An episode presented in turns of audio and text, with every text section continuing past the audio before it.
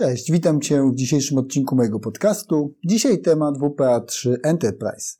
E, co się zmienia, jeżeli chodzi o e, implementację WPA3 w wersji korporacyjnej? E, mianowicie sam proces jest dużo bezpieczniejszy niż w przypadku WPA2 i klucza współdzielonego. To znaczy, że nawet w przypadku WPA2 klucza współdzielonego i w przypadku WPA2 Enterprise jest olbrzymia różnica.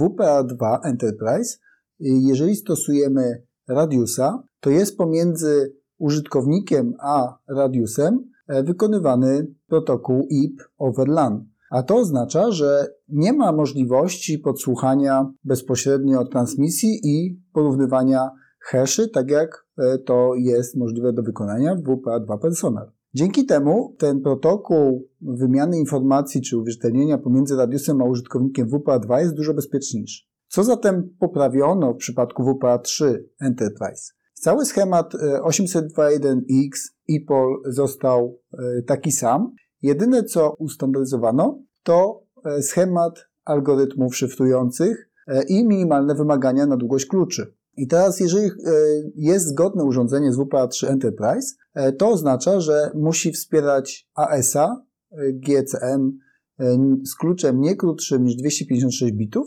jak również długość klucza, klucza PMK, czyli klucza szyfrującego master key dla połączenia bezprzewodowego nie może być mniejsza niż 384. E, czyli te wartości zostały ustanowione na sztywno e, i podwyższa to znacznie poziom bezpieczeństwa dla połączeń bezprzewodowych e, z tego powodu, że nie będzie możliwe połączenie się w trybie WPA3 Enterprise z urządzeniem bezprzewodowym, czyli z punktem dostępowym, jeżeli od strony klienta te minimalne wymagania nie będą spełnione.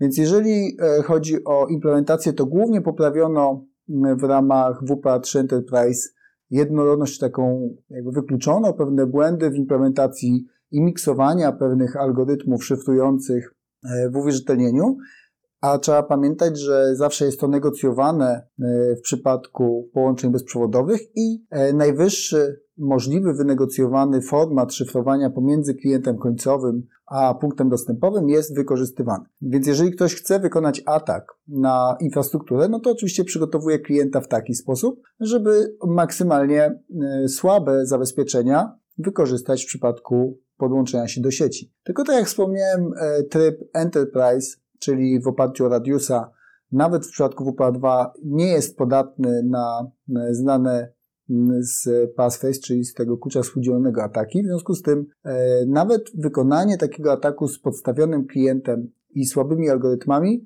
e, no niewiele więcej daje, bo daje możliwość tylko ewentualnie odszyfrowania własnej sesji, e, co nie przekłada się na korzyść odszyfrowania ruchu sąsiadów. Więc jeżeli chodzi o WPA3, to nie ma dużych zmian w tym zakresie korporacyjnym, ale jest pewne uporządkowanie i ograniczenie do mm, aktualnie e, silnych algorytmów. E, jeszcze mm, jeżeli chodzi o OS-a, to tutaj też e, wybrano tę wersję GCM, dlatego że jest ona wydajna, jeżeli chodzi o procesory. Nie muszą to być jakieś silne urządzenia, które miałyby ten ruch szyfrować, co jest niewątpliwie istotne i jest argumentem branym pod uwagę, a z drugiej strony jest to poziom szyfrowania wystarczający dla zastosowań krytycznych, czyli na przykład e, amerykańskich agencji rządowych, e, czy sektora komercyjnego. Więc to zapewne się będzie też zmieniało z czasem, e, jak będą pojawiały się